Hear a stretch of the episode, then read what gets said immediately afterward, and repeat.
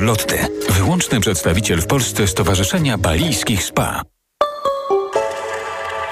W raporcie smogowym dobre informacje, bo nigdzie nie są przekroczone normy dla pyłów zawieszonych PM10 i PM2,5. Popołudniowe spacery są wskazane, bo jakość powietrza jest dobra. Radio TOK FM. Pierwsze radio informacyjne. Wywiad polityczny. Karolina Lewicka, dzień dobry, witam Państwa i zapraszam na wywiad polityczny. Mój Państwa pierwszy gość to Włodzimierz Cimoszewicz, poseł do Parlamentu Europejskiego, były premier i minister spraw zagranicznych. Dzień dobry, panie premierze.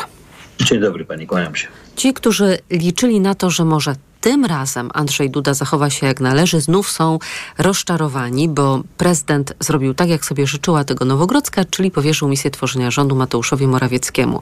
Czy opowiadanie przy tej okazji o kontynuacji dobrej tradycji jakoś się broni, czy w ogóle nie?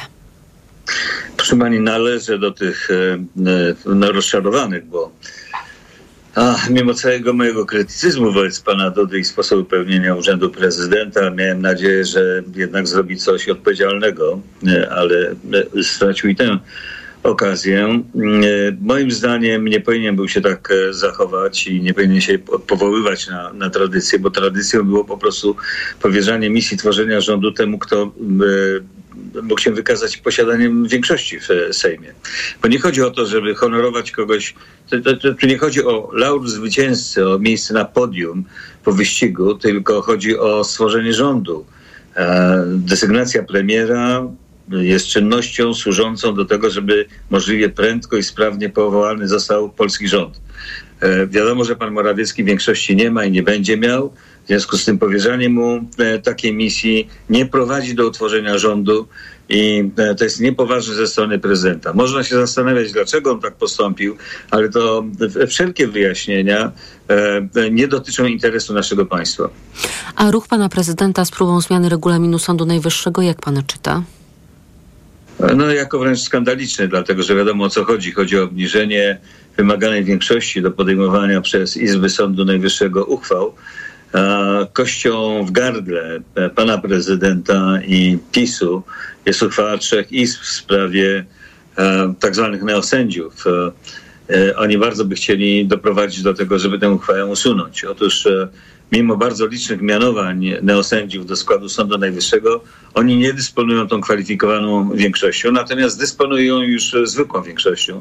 W związku z tym, gdyby zmiana regulaminu wskazywana przez pana Dudę została spełniona, została zrealizowana, to nowi neosędziowie mogliby większością głosów odrzucić dawną uchwałę i sami siebie uznać za w, w pełni legalnie wybranych y, i pełniących y, funkcję sędziów. A czy uważa pan, panie premierze, że po tym całym spektaklu z próbą utworzenia rządu, będzie to próba nieudana przez Mateusza Morawieckiego, to Prawo i Sprawiedliwość będzie mogło to w swoim rozliczeniu wpisać po stronie ma, czy jednak po stronie winien? Czy to będzie jakiś polityczny zysk, czy wyłącznie strata? No, wydaje mi się, że raczej strata. Oczywiście nie w nie w umysłach, nie w świadomości jakichś bardzo zagorzałych, fanatycznych zwolenników Prawa i Sprawiedliwości, ale to będzie jedynie potwierdzenie niezdolności do stworzenia rządu, będącej konsekwencją tego, że PiS wygrało i przegrało wybory. Wygrało w tym sensie, że dostało więcej głosów niż jakakolwiek inna partia e, po, po, po, pojedyncza jakby traktowana, ale przegrało, bo nie jest w stanie uzyskać większości niezbędnej do dalszego do rządzenia. I cała ta szamotanina będzie jedynie potwierdzeniem tej prostej prawdy. To teraz zapytam o taki pomysł Marka Sawickiego, który wczoraj się pojawił.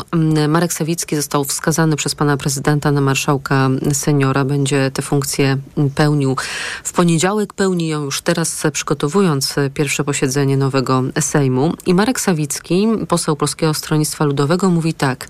Jeśli pan Morawiecki złoży już dymisję obecnego rządu, czy to na moje ręce, czy marszałka seniora, czyli marszałka seniora, czy nowo wybranego marszałka Sejmu, to nowy marszałek w ciągu siedmiu dni może zwołać posiedzenie Sejmu z jednym punktem obrad konstruktywnym wotum nieufności dla rządu Mateusza Morawieckiego. To jest koniec cytatu z Marka Sawickiego. Konstytucjonaliści raczej kręcą nosem na ten pomysł. Odcina się także Koalicja Obywatelska. Borys Budka mówił, że to nie jest możliwe konstytucyjnie i nie szukałby takich rozwiązań na siłę. Jaka jest pańska opinia? Pan Sawicki słyszał, że gdzieś dzwonił, ale nie wie w którym kościele. Otóż wedle konstytucji na pierwszym posiedzeniu nowo wybranego Sejmu marszałek senior przeprowadza ślubowanie, przyjmuje ślubowanie od posłów, sam najpierw ślubuje, e, następnie do, przeprowadza wybór marszałka e, Sejmu i kończy się na tym jego rola. Marszałek przeprowadza wybór wicemarszałków, a następnie zgodnie z, e, powiadam, konstytucją dotychczasowy prezes Rady Ministrów składa e, dymisję.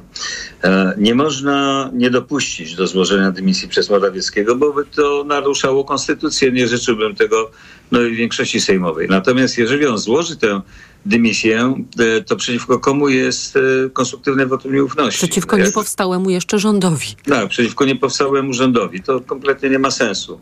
Kiedy mówi pan Sawicki, że marszałek może zwołać po siedmiu dniach kolejne posiedzenie, to e, coś mu się myli, bo z tym konstruktywnym wotum nieufności jest tak, że no jeżeli jest taka, powiedziałbym, normalna sytuacja, a nie początek kadencji, tworzenie nowego rządu i tak dalej i e, opozycja e, raptem do, doprowadza do sytuacji, w której ma większość, może rzeczywiście e, wystąpić o wotum nieufności dla rządu, zwane konstruktywnym, dlatego że zawiera ono, e, taki wniosek zawiera od razu nazwisko nowego e, premiera. E, I po złożeniu takiego wniosku, ten wniosek by, może być rozpatrzony dopiero na następnym posiedzeniu Sejmu, które może być zwołane nie wcześniej niż w 7 dni od momentu złożenia takiego wniosku. Więc e, to nie dotyczy takiej sytuacji, o której pan, e, pan Sawicki mówi. Chodziło, ja pamiętam oczywiście, jak e, te, tego typu rozwiązania tworzyliśmy w Konstytucji, byłem w końcu w tej Komisji Konstytucyjnej. Chodziło nam o to, żeby dać czas do pewnego namysłu, a więc nie robić tego na zasadzie jakiegoś przewrotu pałacowego w ciągu dwóch godzin, no i tak dalej. E, ja wiem, że przedłużanie tworzenia rządu jest i irytujące, i rzeczywiście zasługuje na, na, na naganną ocenę, dlatego że e, potrzebny jest szybko polski e, nowy rząd. Zbliża się koniec roku. E, państwo funkcjonuje w oparciu o budżet. Budżet musi być uchwalony. Nowy rząd ma oczywiście święte prawo, a wręcz obowiązek skorygować projekt przygotowany przez poprzedników. Bo budżet wyznacza to, jaką politykę się będzie prowadziło. Dlaczego rząd Tuska miałby prowadzić politykę rządu Morawieckiego? E, I to trzeba zrobić. E, jednocześnie trzeba jak najszybciej odblokować fundusze europejskie. Mogą upłynąć pewne terminy, które spo, co spowoduje, że przepadną duże pieniądze. Więc e, rząd Tuska rzeczywiście potrzebny jest jak najprędzej, ale nie ma e, rozsądnej, poważnej możliwości przyspieszenia tego wszystkiego. Niech na 13-14 grudnia e, Sejm będzie rzeczywiście przygotowany na to, że po niepowodzeniu misji Morawieckiego natychmiast przegłosuje nazwisko nowego premiera i skład nowego rządu, a wtedy pan Duda będzie musiał przyjąć od nich ślubowanie. Chciałabym też pana zapytać o takie ryzyko, które jest przed nowym gabinetem, gabinetem Donalda Tuska, bo to będzie rząd złożony z czterech ugrupowań. Będzie oczywiście konieczność zawierania kompromisów, będą spory, napięcia, przeciągające się negocjacje w różnych sprawach.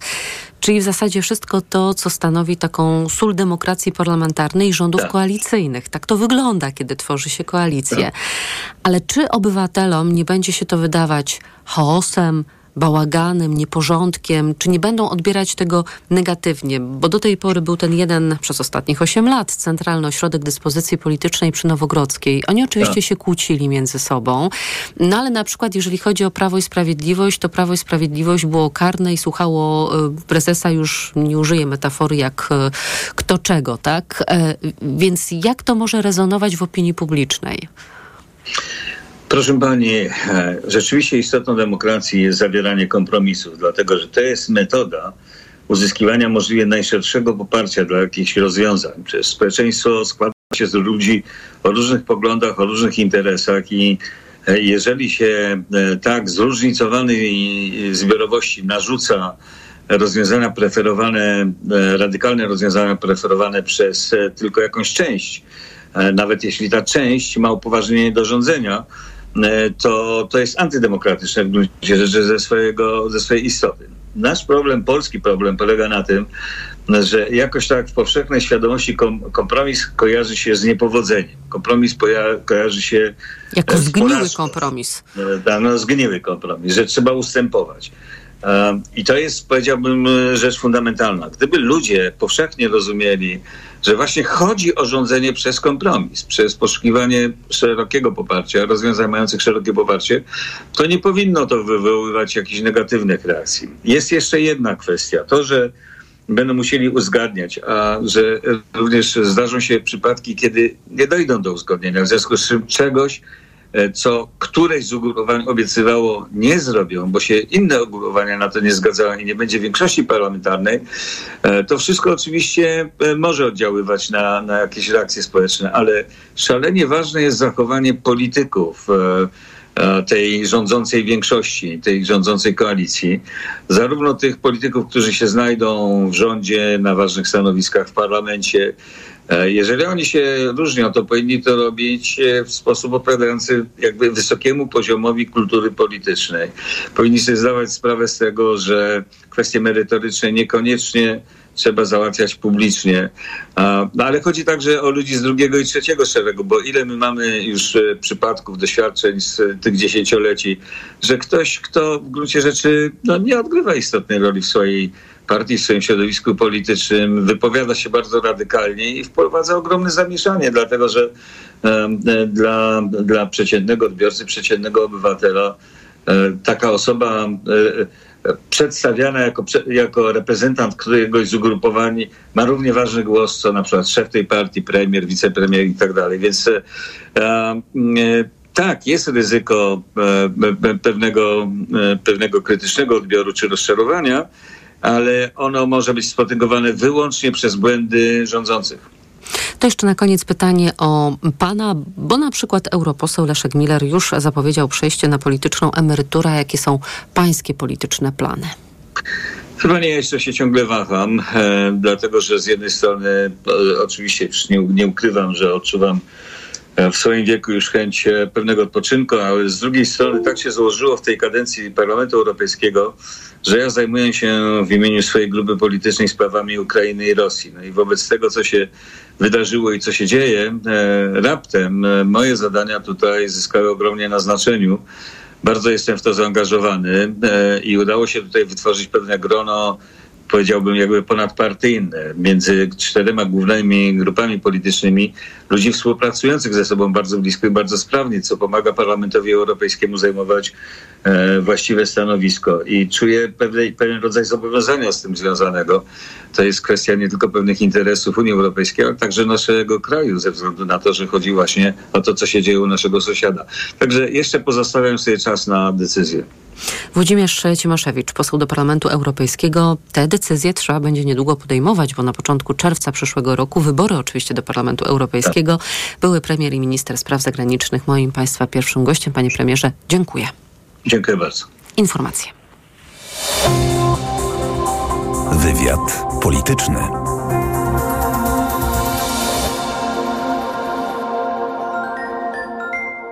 Ekonomia to dla ciebie czarna magia. Masz kapitał i nie wiesz, jak go zainwestować? Gubisz się w pomysłach polityków na gospodarkę? Magazyn EKG w TOK FM. Wyjaśniamy, informujemy i podpowiadamy. Od poniedziałku do piątku, po dziewiątej. Sponsorem magazynu EKG jest japońska firma Daikin, producent pomp ciepła, klimatyzacji i oczyszczacze powietrza www.daikin.pl. Reklama. Szukasz nowoczesnego, hybrydowego suwa dostępnego od ręki w doskonałej ofercie? Oto konkrety. Hybrydowy Ford Kuga, stylowy i komfortowy SUV, bogato wyposażony i oszczędny. Teraz Ford Kuga w specjalnej ofercie wyprzedażowej z korzyścią finansową nawet do 37 tysięcy złotych z ubezpieczeniem na rok. Wciąż za mało? Do tego pakiet 4 lat ochrony Ford Protect, gwarancja i serwis w cenie samochodu to spokój na długi czas. Ford Kuga. Takiej oferty jeszcze nie było. Szczegóły u dealerów Forda i na Ford.pl. Zapraszamy. Przepraszam, coś pani zgubiła. Mój magnes, bardzo dziękuję. Suplement diety Neomak Forte D3. Magnes. Może stąd to przyciąganie. Ja też biorę magnes. Sporo nas łączy. Łączy to Neomak Forte D3, dużą dawkę magnezu i aż 2000 jednostek witaminy D. Kosztuje 2 zł więcej niż Neomak Forte, a daje mi świetną odporność. Przekonała mnie pani. Zmieniam swój magnes na Neomak Forte D3. To może teraz ja przekonam panią, żebyśmy poszli na kawę. Chyba, że jest pani odporna również na mnie. Neomak Forte D3. Więcej niż magnes. Aflofarm. Żyć lepiej. Psychologia codziennie. Rozmowy, reportaże, felietony, poradniki, które pomogą zadbać o kondycję psychiczną i pozwolą lepiej zrozumieć siebie i innych. Czytaj na wysokieobcasy.pl ukośnik Żyć lepiej. Pani ginekolog, coraz częściej odczuwam podrażnienia i dyskomfort stref intymnych. To może być kwestia wieku. Proszę zamienić swój żel do higieny intymnej na Iladian 40. To wystarczy? Tak. Po 40 roku życia strefy intymne wymagają dodatkowej pielęgnacji, w tym przede wszystkim nawilżenia i regeneracji. I właśnie to zapewni Pani Iladian 40. A do tego Iladian 40 pomaga utrzymać prawidłowe pH. Żel Iladian 40. Higiena i ochrona. Marian, mm. a czy ty jesteś gotowy na ten Black Weeks w Media Expert? To wyrwać coś ekstra? Barbara, żeby coś wyrwać, zawsze jestem gotowy, mm -hmm. zawsze. Patrz, kupuję na raty 0%, o i RRSO 0%. Gotowi na mega okazję? Black Weeks w Media Expert, a do tego do 40 rat 0% i do pół roku nie płacisz. RRSO 0%. Black Weeks w Media Expert. Co teraz dawać dzieciom na odporność? Sama zobacz. Rutina CA Junior Plus. Syrop dla dzieci wzbogacony o czarny bez i cynk. To naprawdę bogaty skład. Teraz jak znalazł. Spójrz. Witamina C i cynk wspomagają układ odpornościowy, a czarny bez dodatkowo wspiera układ oddechowy. Dlatego dzieci codziennie dostają właśnie Rutina C Junior Plus, by wspomagać ich zdrowie. To już wiem. Co teraz będzie brał mój Krzyś? Suplement diety Rutina C Junior Plus. Wzbogacona o czarny bez i cynk. Odporność na potęgę. Aflofarm. Lidl najtańszy według faktu. Spośród czterech podmiotów objętych zestawieniem, koszyk 25 podstawowych produktów jest najtańszy w Lidlu. Źródło fakt. Wydanie internetowe z 18 października 2023 roku. Szczegóły na www.lidl.pl. Tanie zakupy rób w Lidlu. W kolejnym cyklu podcastu Miasta Szczęśliwe zagłębimy się w temat przyszłości. Czy nasze miasta będą przyjazne, ekologiczne i nowoczesne? Jak będą się zmieniać z postępem technologicznym i społecznym? W rozmowach z ekspertami spółki mieszkaniowej Skanska zbadamy przyszłe kierunki rozwoju miast, odkryjemy innowacyjne pomysły, wejdziemy w świat sztucznej inteligencji, druku 3D czy cyberbezpieczeństwa i zastanowimy się, jak te i inne zjawiska wpłyną na miasta jutra. Zapraszam do słuchania na platformie Tok FM. Jerzy Telesiński. Czy to prawda, że jest już dostępny nowy Opel Corsa? Yes. Of course. Zarówno w wersji elektrycznej, jak i benzynowej? Yes. Of course. Czy daje frajdę z jazdy i wygląda odlotowo? Od 599 zł netto miesięcznie w wersji benzynowej w leasingu dla firm. Poznaj go u swojego dealera lub na opel.pl. Naprawdę? Yes. Of course. Reklama. Radio TOK FM.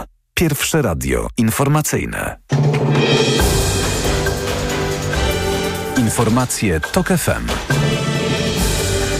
Minęła 17.20. Anna Draganek-Weiss, zapraszam. Komisja Europejska zarekomendowała rozpoczęcie negocjacji członkowskich z Mołdawią i Ukrainą. Szefowa komisji Ursula von der Leyen ogłaszając tę decyzję podkreśliła jednak, że Kijów do tej pory nie spełnił wszystkich uzgodnionych w ubiegłym roku siedmiu warunków rozpoczęcia negocjacji. Chodzi m.in. o wprowadzenie rozwiązań dotyczących mniejszości narodowych. Według głównego negocjatora polskiego członkostwa we wspólnocie Jana Truszczyńskiego komisja postąpiła w tej sprawie słusznie. Z jednej strony strony uznaje, że bardzo wiele Ukraina zrobiła, a to, że pozostaje jeszcze to i owo do wykonania, nie powinno formalnie zagradzać drogi do podjęcia tego kolejnego etapu, jakim byłoby otwarcie rozmów akcesyjnych formalne, no i podjęcie procesu przeglądu prawa ukraińskiego i stopnia jego zgodności z prawem wspólnotowym. Oprócz rekomendacji dotyczących rozmów, Komisja Europejska poparła nadanie Gruzji statusu państwa kandydata. Izraelska armia w trakcie operacji lądowej w strefie gazy zniszczyła 130 szybów tunelowych należących do Hamasu. Niszczenie podziemnych korytarzy rozpoczęło się na początku listopada. To tam magazynowane są rakiety, broń i amunicja. Izraelska armia twierdzi, że znajdują się w nich także centra dowodzenia i kontroli Hamasu.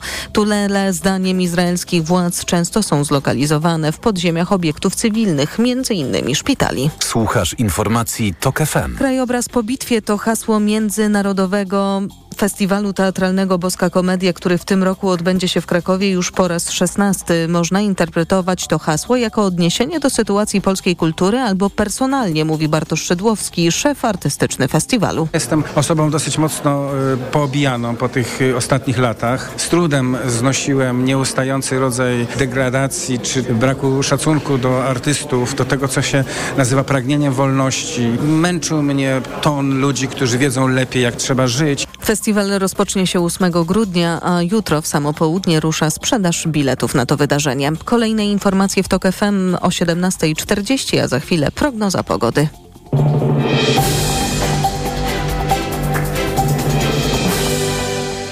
Sponsorem programu jest właściciel spa Bali High w hotelu Dolina Charlotte, wyłączny przedstawiciel w Polsce Stowarzyszenia Balijskich Spa. Pogoda. Noc pogodna tylko na południowym zachodzie, w pozostałych częściach kraju przelotnie popada. Na termometrach od 1 stopnia na południu do 6 nad morzem. Sponsorem programu był właściciel spa Bali High w hotelu Dolina Charlotte, wyłączny przedstawiciel w Polsce Stowarzyszenia Balijskich Spa. Radio TOK FM. Pierwsze radio informacyjne. Wywiad polityczny. Profesor generał Stanisław Koziej, były szef Biura Bezpieczeństwa Narodowego, obecnie Fundacji imienia Kazimierza Pułaskiego. Dzień dobry, panie profesorze. Dzień dobry, kłaniam się. Dziś odbyło się spotkanie obecnego szefa BBN-u Jacka Siewiery z byłymi szefami biura, czyli między innymi także z panem profesorem. To było drugie takie spotkanie. Pierwsze odbyło się rok temu i dotyczyło przede wszystkim wojny w Ukrainie. O czym rozmawiali e, państwo dziś? E, no dzisiaj przede wszystkim e, rozmawialiśmy o tym, że Biuro Bezpieczeństwa Narodowego stoi jakby przed nową erą swoich, swojej pracy w związku z nowymi relacjami między prezydentem a nowym rządem, koha koniecznością kohabitacji tych dwóch e, podmiotów, tych dwóch organów władzy. No i w tym kontekście e, różne wyzwania i zadania, jakie stoją przed Biurem Bezpieczeństwa Narodowego. E, obecny szef BBN-u chciał z nami porozmawiać, podyskutować no więc tak, tak najogólniej rzecz biorąc, taki był cel i sens e, tego spotkania. Mhm. No rozumiem, że mogą się pojawić jakieś napięcia między prezydentem, który wywodzi się z Prawa i Sprawiedliwości, które właśnie przychodzi do opozycji, jak tylko Mateuszowi Morawieckiemu nie uda się stworzyć rządu, a oczywiście nową większością rządową i sejmową, którą będą tworzyć ugrupowania do tej pory opozycyjne. I co państwo e, radzili w tym kontekście, jeżeli chodzi o funkcjonowanie biura Mm, jak to ma wyglądać, jak to może wyglądać?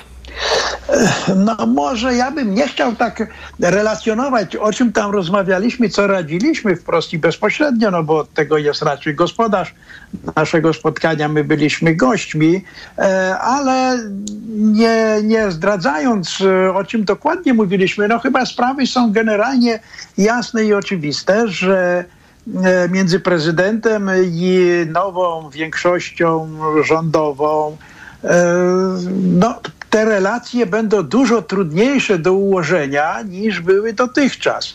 A bezpieczeństwo narodowe jest jedną z, tą, z tych dziedzin, które wymagają jednak dobrej współpracy. Na tym spotkaniu przekonaliśmy się, przynajmniej szef BBN-u nas przekonywał, że prezydent jest mocno zainteresowany współpracą właśnie z rządem, z nowym ministrem obrony narodowej w dziedzinie bezpieczeństwa i uważam, uważam że to jest no, bardzo jakby taka... Mm, e, dobra zapowiedź. Jeśli rzeczywiście tak jest podejście prezydenta, no to są szanse, aby właśnie na tym polu, na polu bezpieczeństwa narodowego, ta współpraca jakoś się układała. A Biuro Bezpieczeństwa Narodowego, w mojej ocenie, biorąc pod uwagę moje własne doświadczenia z szefowania tej instytucji, jest y, najlepszym miejscem, gdzie te e, interesy ogólnonarodowe mogłyby być dyskutowane, rozważane, analizowane e, we współpracy zwłaszcza między BBN-em a Ministerstwem Obrony Narodowej po to, aby przygotowywać e, propozycje decyzji z jednej strony prezydenta, z drugiej strony Rady Ministrów, jako tych dwóch organów władzy wykonawczej, które kierują bezpieczeństwem narodowym.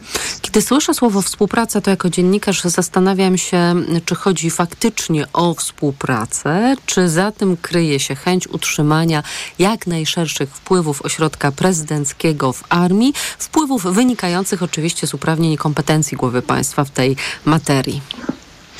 No pewnie dobrze pani się domyśla, bo to, bo to jest jakby naturalne niejako wpisane konstytucyjnie w nasz ustrój. E, co by nie powiedzieć o tej konstytucji, to ma ona jedną, tę w mojej ocenie przynajmniej słabość, że dzieli władzę wykonawczą między dwa organy, między prezydenta i Radę Ministrów. To są dwa organy władzy wykonawczej. Tak sobie konstytucyjnie to ustaliliśmy. Klasyka podziału władzy to jest władza ustawodawcza, wykonawcza, E, i sądownicza. E, no my jeszcze dodatkowo władzę wykonawczą podzieliliśmy, nie precyzując dokładnie za bardzo tych relacji, no i z tego w sposób niejako naturalny wynikają e, różnice interesów tych dwóch ważnych podmiotów i kohabitacja, zwłaszcza kiedy te interesy obydwu tych podmiotów są wyraźnie różniące się, wywodzące się z różnych opcji politycznych, jest tutaj szczególnie ważna. Więc y, na pewno zarówno prezydent, jak i Rada Ministrów rozważają, ja niejednokrotnie to obserwowałem na przykład na e, różnych dyskusjach, chociażby w parlamencie, e, jak te relacje ułożyć, aby nie pozbyć się własnych kompetencji e, w, w, tej, w tej jakby rywalizacji, no, przy tym przy nawet kooperacji rywalizacyjnej, tak to nazwijmy, której e, konstytucja wymaga od tych dwóch organów władzy wykonawczej. Prezydent e, między innymi, jak wiemy dobrze, złożył projekt ustawy e, jeszcze do odchodzącego Sejmu i teraz ta, ten projekt będzie no, jakby E, przepracowany i e, ponownie skierowany do nowego parlamentu, tak jak e, mówił nam dzisiaj szef Biura Bezpieczeństwa Narodowego. Ten projekt jest jednym z ważnych elementów, wokół którego ta współpraca mogłaby się jakoś organizować. Bo to jest projekt, On... powiedzmy, panie generale, który też zmienia strukturę dowodzenia armią, tak? E, tak, on trochę tam doprecyzowuje także ten system kierowania i dowodzenia. Przy czym e, warto pamiętać, i to może słuchaczom jakby tak trochę uzmysłowić, że ten słynny SKID, system kierowania i dowodzenia, on ma niejako dwa poziomy. Jeden poziom to jest to kierowanie polityczne siłami zbrojnymi i drugi poziom to jest to dowodzenie wojskowe siłami zbrojnymi. E, ten projekt, który był złożony przez prezydenta do tej pory, on e, dokonuje pewnego skorygowania tego poziomu wojskowego, dowodzenia wojskowego. Jednym z ważnych elementów tego projektu jest połączenie obecnych dowództw, dwóch dowództw, czyli dowództwa generalnego i dowództwa operacyjnego w jedno dowództwo połączone, oraz odtworzenie odrębnych rodzajów sił zbrojnych, wojska lądowe, marynarka wojenna i tak dalej. Do tej pory one e, nie funkcjonowały jako oddzielne dowództwa, tylko było jedno to dowództwo generalne. I do tego pomysłu nowy parlament i nowa większość będzie musiała się z powrotem ustosunkować. Tak jest. No, będzie, odbędzie się zapewne dyskusja, debata na ten temat. E, Moim zdaniem e, ta, ten projekt prezydencki wciąż jednak zawiera pewne, z mojego punktu widzenia przynajmniej, pewną słabość, jaką jest pozostawienie e, szefowi sztabu generalnego funkcji jednocześnie organu pomocniczego dla władz państwa, dla ministra, dla prezydenta, Rady Ministrów, jako organu, głównego organu pomocniczego w kierowaniu siłami zbrojnymi oraz funkcji dowodzenia siłami zbrojnymi, tej funkcji wykonawczego dowodzenia.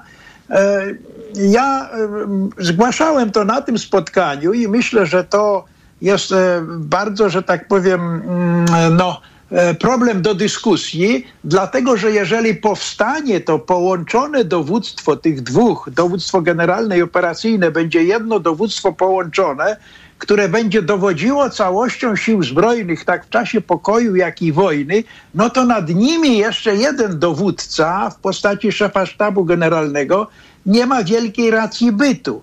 A tym bardziej jest to istotne, że szef sztabu generalnego powinien być takim obiektywnym, nieuwikłanym w bezpośrednie wykonawcze dowodzenie takim organem pomocniczym, aby przygotowywać propozycje decyzji ministra czy prezydenta. Zauważmy, że do tej pory e, jeszcze obecny minister obrony narodowej, co jest najbardziej charakterystyczną cechą jego kierowania siłami zbrojnymi, to była ta dowolność, to był ten wolontaryzm. On podejmował decyzje niekoniecznie zasięgając opinii od szefa sztabu generalnego, traktując tego szefa sztabu generalnego jako właśnie wykonawcę. On ma wykonywać decyzje ministra. Tymczasem szef sztabu powinien przygotowywać projekty decyzji, które minister obrony narodowej powinien podejmować. Więc to jest jeszcze takie otwarte wyzwanie, moim zdaniem, przed którym ta debata nad e, ustawą, którą prezydent skieruje do Sejmu, będzie się toczyć.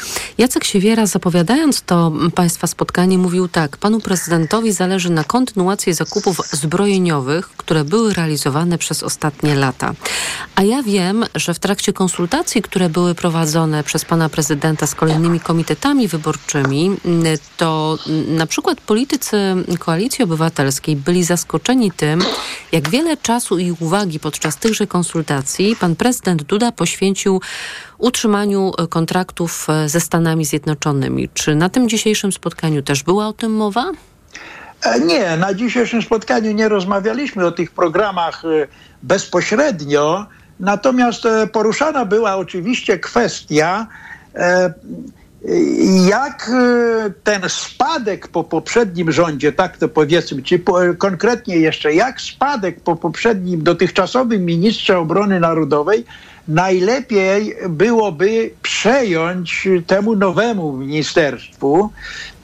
I e, myślę, że, że generalnie byliśmy zgodni co do tego, że te najważniejsze wątpliwości, jakie się nasuwają w stosunku do tych programów, wielkich programów zbrojeniowych, bardzo kosztownych, to są takie, że e, ani ten nowy rząd, który przyjmuje władzę, ani tacy niezależni eksperci jak ja na przykład, czy inni, nie mamy e, wiedzy, argumentów, uzasadnień o charakterze operacyjnym, skąd się biorą takie, a nie inne wielkości na przykład tych zakupów, e, e, szybkość tych zakupów e, i tak dalej. W związku z tym. Trzeba się temu przyjrzeć, tak? Trzeba się temu przyjrzeć. Jednym z, ze środków, które roz, rozpa, mówili, o którym mówiliśmy na tym spotkaniu, to jest na przykład, byłoby dobrze, ja przynajmniej tak sądzę, gdyby Biuro Bezpieczeństwa Narodowego razem z nowym Ministerstwem Obrony Narodowej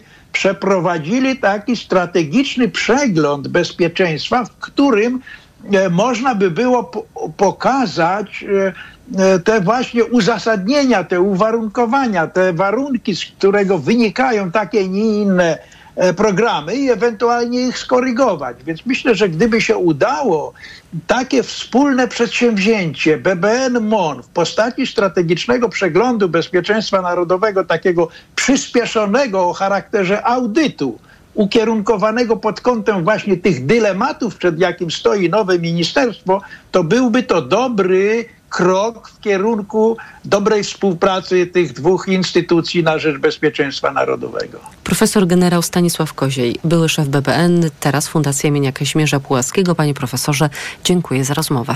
Dziękuję bardzo, do widzenia. Informacje. Wywiad polityczny.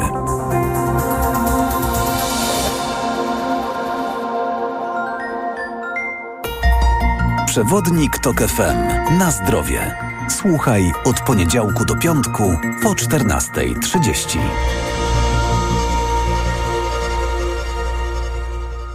Sponsorem programu jest Medicata, dystrybutor oferujący francuskie suplementy diety Melioran, wspierające układ nerwowy. Reklama. RTV Euro AGD. Jeszcze tylko dziś 33% rabatu na drugi tańszy produkt. Promocja na całe duże AGD. I pół roku nie płacisz. To 40 lat 0%. RRSO 0%. Regulaminy w sklepach euro i na euro.com.pl. Aniu, opowiedz nam o hodowli kotów perskich. Hodowla kotów jest wymagająca, ale nie tak jak rozmowa z tobą. Ty też masz niezły pazur. Mówisz nie swoim głosem. Weź wokaler bez cukru. To wyrób medyczny. Używaj go zgodnie z instrukcją używania lub etykietą. Wokaler nawilża gardło, przez co likwiduje chrypę. Już mi lepiej. Wokaler pozwala szybko odzyskać głos. Polecam jako pan z radia. O, i nie zawiera cukru. A słodki, jak twoje kotki. Wokaler. Szybko dojdziesz do głosu. Zastosowanie, łagodzenie chrypki i podrażnień gardła oraz suchości wianie ustnej. Producent i podmiot prowadzący reklamę Aflofarm. Gotowi na mega okazję? Black Weeks w Media Expert. Na przykład ekspres automatyczny Siemens. Najniższa cena z ostatnich 30 dni przed obniżką 2999 zł 99 groszy. Teraz za jedyne 2699 z kodem rabatowym taniej o 300 zł. Bezprzewodowy odkurzacz Samsung Jet 75 PET w super cenie za 1599 zł. Black Weeks w Media Expert. Kaśka, to ty? Tak. Ale schudłaś. Stosujesz jakąś dietę? Nie, stosuję tabletki na wątrobę Hepa Slimin. Zobacz, wątroba spisuje się wspaniale i jem wszystko, choćby czekoladę. Widzę, że Hepa Slimin wspomaga też utrzymanie smukłej sylwetki. To tylko taki słodki dodatek. Przecież ja nie muszę się odchudzać. Pewnie, że nie. To ja też będę brać Hepa Slimin. Chcesz mieć słodkie życie bez diety? Chcę mieć zdrową wątrobę. Suplement diety Hepa Slimin w trosce o wątrobę i smukłą sylwetkę. Mate pomaga w utrzymaniu prawidłowej masy ciała, a cholina wspiera funkcjonowanie wątroby. Aflofarm. Zyskaj 30 zł na zakupy w Auchan. Zrób zakupy za minimum 200 zł od 9 do 10 listopada w hipermarketach i wybranych supermarketach Auchan i odbierz dwa ebony o łącznej wartości 30 zł. Regulamin na auchan.pl Gdy za oknem zawierucha, cierpi na tym nos malucha. Słychać już sapanie noska. Mamę więc wypełnia troska. Aromactive przecież mamy. Do piżamki przyklejamy. Aromactive plaster mały. Wnet uwalnia zapach cały. I troskliwie nos otacza. Lekki oddech szybko wkracza. Uratować nos i noc może tylko plastra moc. Aromactive zmniejsza troski. Pielęgnuje małe noski. Dostępny w aptekach. Żyć lepiej. Psychologia codziennie. Rozmowy, reportaże, felietony, poradniki, które pomogą zadbać o kondycję psychiczną i pozwolą lepiej zrozumieć siebie i innych. Czytaj na wysokieobcasy.pl ukośnik Żyć lepiej. Seniorzy powinni dbać o nawodnienie organizmu również zimą. Najlepszym rozwiązaniem są elektrolity Hydro Optima Senior D3. Suplement diety Hydro Optima Senior D3 zawiera substancje potrzebne do nawodnienia organizmu, ale ma niską zawartość sodu i glukozy, co ma szczególne znaczenie dla osób z nadciśnieniem i podwyższonym poziomem cukru. Dodatkowo Hydro Optima Senior D3 zawiera wysoką dawkę witaminy D3, tak potrzebną w okresie zimowym. Hydro Optima Senior D3 Aflofarm. Co to jest? Duże lub małe? Na paletach? Zawinięte w folię? Niespodzianka! Bo nigdy nie wiesz, co trafisz na licytacjach magazynowych. Oglądaj zakup w ciemno. Od poniedziałku do czwartku o 20 w TTV. Toyota zafundowała nam gorącą końcówkę roku. W salonach tej marki właśnie rozpoczęła się wyprzedaż rocznika 2023. Co to oznacza? Te niezawodne i stylowe auta są teraz dostępne w salonach w bardzo atrakcyjnych cenach i do tego od ręki. Małe i miejskie samochody, auta rodzinne, crossovery i suwy, najnowszej generacji hybrydy. Takich okazji akcji dawno nie było. Do salonów ruszą tłumy i dlatego warto pospieszyć się na dni otwarte. Toyota zaprasza na nie od 13 do 18 listopada. Wtedy wybór będzie największy. Tego nie można przegapić. Reklama. Radio TOK FM. Pierwsze radio informacyjne. Informacje TOK FM. Minęła 17.40. Anna Draganek-Weiss, zapraszam. Rada Polityki Pieniężnej nie zmieniła wysokości stóp procentowych. Główna stopa NBP wciąż będzie wynosiła 5,75%. W tym roku Rada dwukrotnie obniżyła stopy. We wrześniu o 75 punktów bazowych, a drugi raz w październiku o 25 punktów bazowych. Na decyzję w sprawie utrzymania wysokości stóp wyraźnie zareagował złoty. Kurs polskiej waluty umocnił się o kilka groszy. Prezydent Andrzej Duda wstrzymał nominację dowódcy generalnego i Wojsk Obrony Terytorialnej do czasu powołania nowego rządu. Kandydatury powinny być elementem konsensusu i współpracy zwierzchnika Sił Zbrojnych z szefem MONU, przekazał dziś szef BBN-u. Jacek Siewiera spotkał się z byłymi szefami biura. Celem tego spotkania była m.in. wymiana opinii w sprawie współpracy organów państwa w sprawach bezpieczeństwa w nowej kadencji parlamentu. Także omówienie kwestii modernizacji armii oraz reformy systemu kierowania i dowodzenia siłami zbrojnymi RP. Słuchasz informacji TOK FM. Choć w kalendarzu nie ma jeszcze nawet połowy listopada, to w Bydgoszczy już ruszyły przygotowania do jarmarku świątecznego. Na moście staromiejskim oraz na Starym Rynku pojawiają się drewniane budki, w których od 18 listopada będą serwowane lokalne przysmaki. Po 1 listopada to już jest do przyjęcia, przed nie bardzo mi się to podoba, tak? Jeżeli przed 1 listopada już gdzieś tam te dekoracje się pojawiają, natomiast już teraz myślę, że okej, okay, no prowadzę taki przyjemny nastrój. Jeszcze tylko trzeba śnieg zamówić. Trzeba tworzyć tą atmosferę świąteczną dużo wcześniej, tak? Żeby się przygotowywać, nastrajać. Myślę, że to jest dobry pomysł. Czymś musimy żyć. Teraz będziemy żyć jarmarkiem świątecznym. 18 listopada już ma ruszyć no. Bydgoszczy. No, blisko do świąt. Z mieszkańcami Bydgoszczy i turystami rozmawiała reporterka TOK FM Agnieszka Wynarska. Pogoda. Najbliższa noc pogodna tylko na południowym zachodzie. W pozostałych częściach kraju przelotnie popada deszcz. Na termometrach od 1 stopnia na południu do 6 nad morzem. Radio TOK FM. Pierwsze radio informacyjne. Wywiad polityczny. Profesor Joanna Jurewicz jest z nami, orientalistka i lingwistka kognitywna, Wydział Orientalistyczny Uniwersytetu Warszawskiego. Pani profesor, dzień dobry. Dzień dobry. W ubiegłym tygodniu ukazał się w Gazecie Wyborczej pani tekst niezwykle interesujący o negocjacjach koalicyjnych, wojnie i ucieraniu kogla mogla. Wyjaśnimy zaraz, co wszystkie te elementy mają ze sobą wspólnego, ale generalnie chodziło o to, jakie metafory służą nam do opisu polityki i polityków. Metafory generalnie są potrzebne, bo to jest obrazowość przekazu, skrót, na to jest zapotrzebowanie, ale faktycznie my w tym obszarze politycznym e, nie dokonaliśmy demobilizacji. Cały czas jesteśmy na wojnie, bo politycy walczą, liczą szable, mają wrogów, wygrywają bitwy, siedzą w oblężonej twierdzy, zwierają szyki, są ofensywy, manewry, kto kogo pokona, kto będzie triumfował, kto będzie przeżuwał gorycz porażki. Jak pojawiają się niemalże wyłącznie te metafory militarne do opisu polityki, to co się dzieje? Co my słyszymy?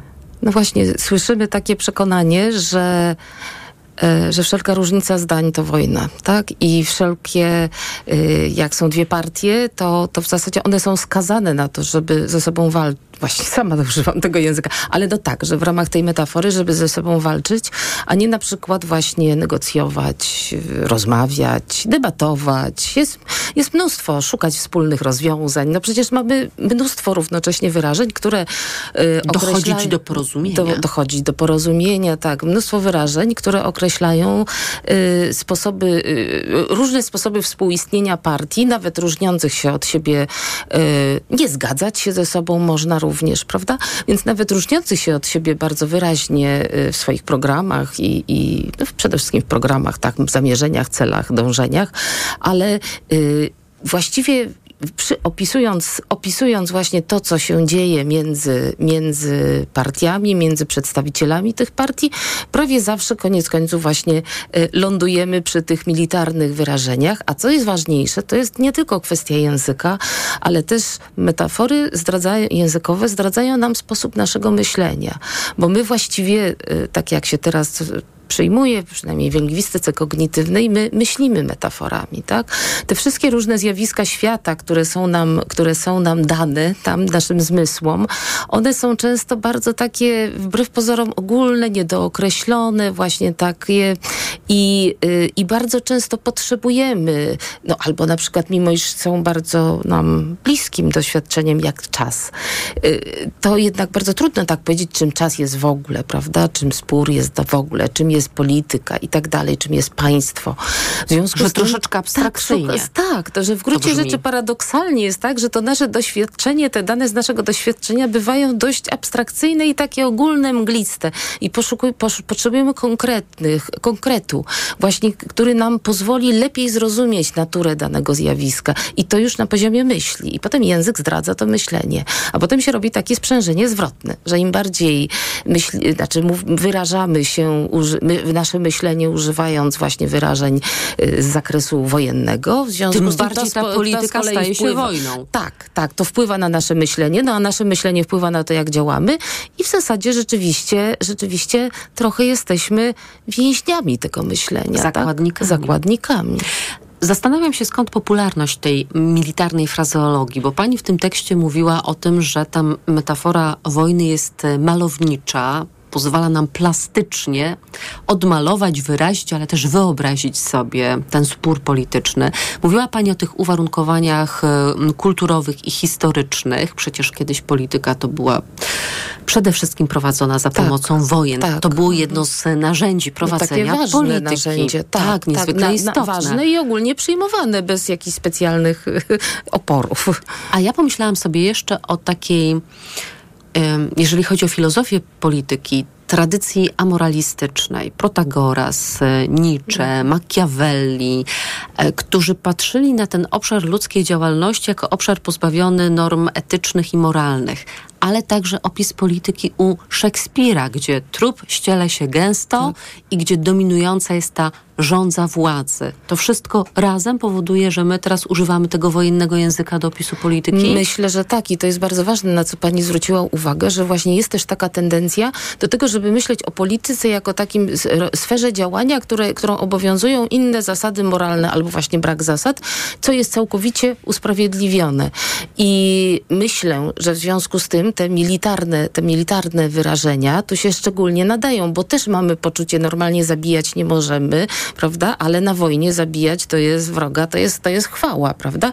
W związku z tym, skoro polityka jest takim też jak właśnie y, z jednej strony amoralnym działaniem, z drugiej strony myślimy o niej w kategoriach militarnych, no to w związku z tym różne działania, które w w normalnym życiu byśmy uznali za skandaliczne, no przyjmujemy. Zresztą to nawet czasami słychać, jak, jak politycy odpowiadają na jakieś pytanie, już w tej chwili nie przytoczę konkretu, ale, ale nie, no przecież to jest tylko polityka, tak? Mhm. Na zasadzie nie traktujmy tego tak poważnie, albo właśnie nie przykładajmy tych norm, które obowiązują na co dzień, no bo przecież to jest polityka, a polityka rządzi się innymi swoimi, swoimi sprawami, sp innymi swoimi tak. prawami. Mhm. A w Polsce, bo nie, nie, nie, nie wiem, jak to jest, szczerze mówiąc, na pewno też w, w anglojęzycznych y, krajach ta polityka też jest dość zmilitaryzowana, ale y, to George Lakoff o tym pisał, ale, ale oczywiście dobrze, to już nie będę się rozwijać, bo tutaj mnóstwo rzeczy można byłoby powiedzieć, ale niewątpliwie w, w języku polskim to, to, jest, to jest dominujące słownictwo i dominujący sposób myślenia. Chociaż mamy też e, inne metafory, nierównorzędne do tej wojennej, bo ona jest rzeczywiście dominująca, ale myślimy też i mówimy o polityce jako o sporcie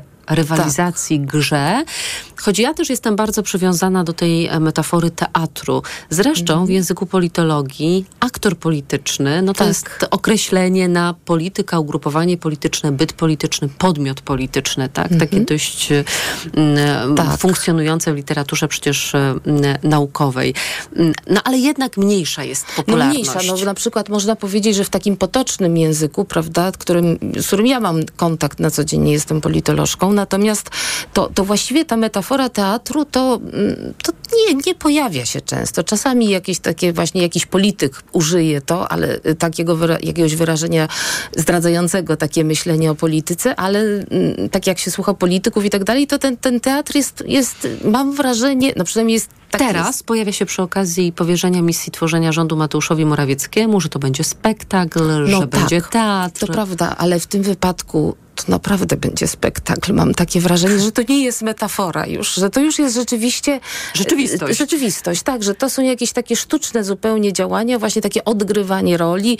Scenariusz został napisany. Rolę -hmm. premiera, który ma spróbować stworzyć rząd, no ale wiadomo, że on naprawdę nie będzie tego rządu stworzył, bo nie da rady. W związku z tym to jest właśnie taka sztuczność jak w teatrze trochę, tylko że znacznie gorsza od prawdziwego i dobrego, dobrego teatru.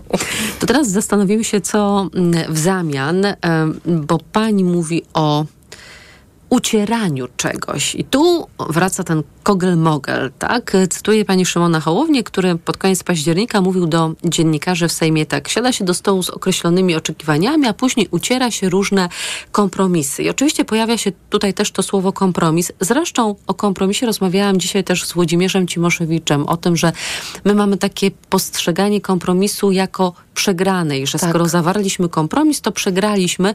Właśnie u anglosasów jest inaczej. Tam mm. osiągnąć kompromis to jest trochę jak zdobyć szczyt, czyli Prawda? osiągnąć tak. coś to jest właśnie to inne myślenie, ważnego. Tak. Ale przy okazji też znalazłam mm, wypowiedź Tadeusza Mazowieckiego z 2006 roku, który na Uniwersytecie Warszawskim mówił tak. Demokracja wymaga minimalnej choćby zdolności do dialogu i do kompromisu. To ostatnie jest dla nas Polaków trudne, ponieważ przyzwyczailiśmy się przy słowie kompromis dodawać od razu zgniły. Jakby każdy kompromis był taki z samej swej natury. Choć zasada nieustannego ucierania praw, mhm. jak to było w pierwszej Rzeczypospolitej, należy do polskiego dziedzictwa politycznego. No to prawda, tak. No więc właśnie, ale jak pomyślimy właśnie, y, ja myślę, że w ogóle to jest związane, ta, to widzenie y, mm, jakiejś właśnie różnicy zdań w kategoriach konfliktu, że to nie dotyczy tylko polityki, że to w ogóle jest jakieś takie nasze myślenie y, codzienne, tak?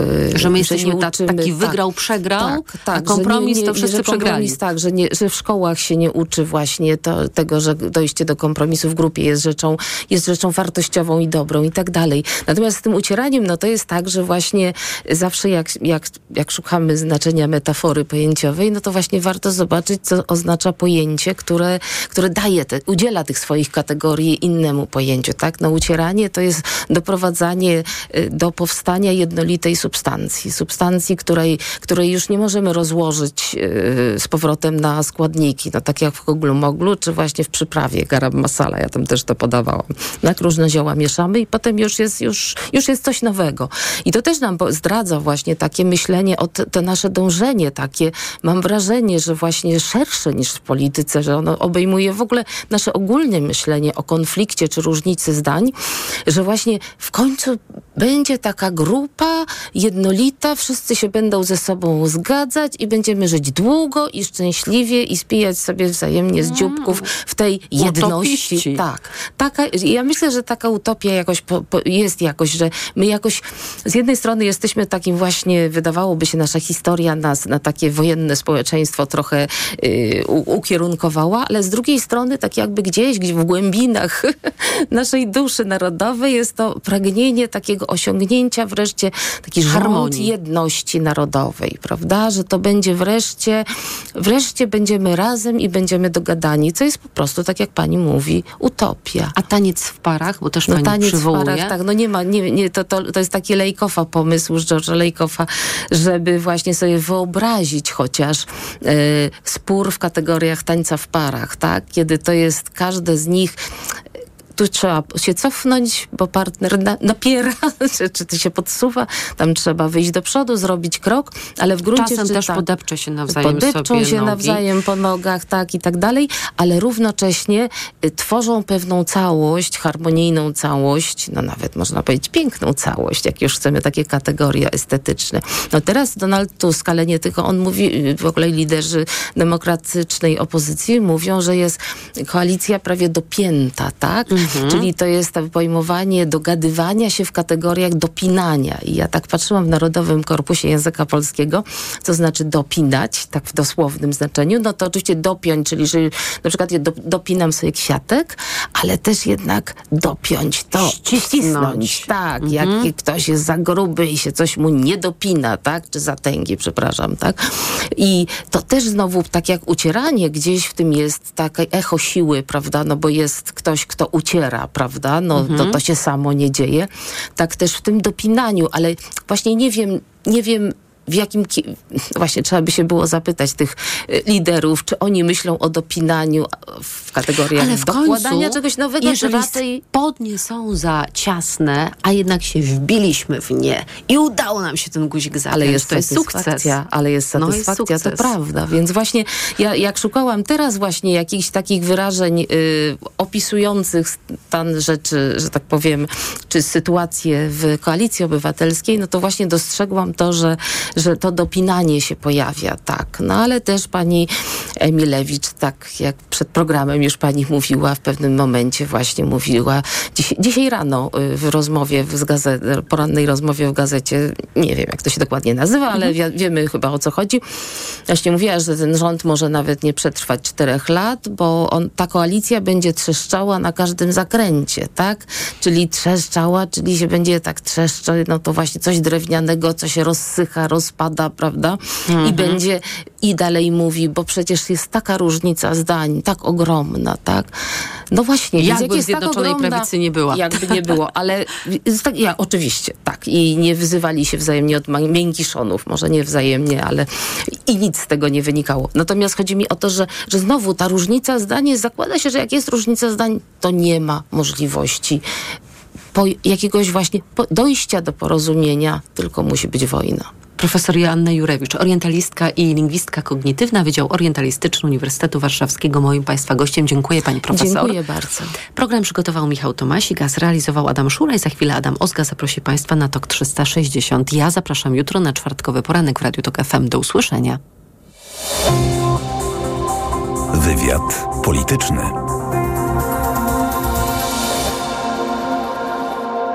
Reklama. RTV Euro AGD trwa Black Friday Weeks. Tysiące okazji przez cały listopad. Pralka LG 9 kg. Programy parowe. Najniższa teraz ostatnich 30 dni przed obniżką to 2196. Teraz za 2149 zł. I pół roku nie płacisz. To 40 rat 0%. Na cały asortyment. RRSO 0%. Promocja ratalna do 14 listopada. Szczegóły i regulamin w sklepach i na euro.com.pl. Aniu, opowiedz nam o hodowli kotów perskich. Hodowla kotów jest wymagająca, ale nie tak jak rozmowa z tobą. Ty też masz niezły pazur. Mówisz nie swoim głosem. Weź wokaler bez cukru. To wyrób medyczny. Używaj go zgodnie z instrukcją używania lub etykietą. Wokaler nawilża gardło, przez co likwiduje chrypę. Już mi lepiej. Wokaler pozwala szybko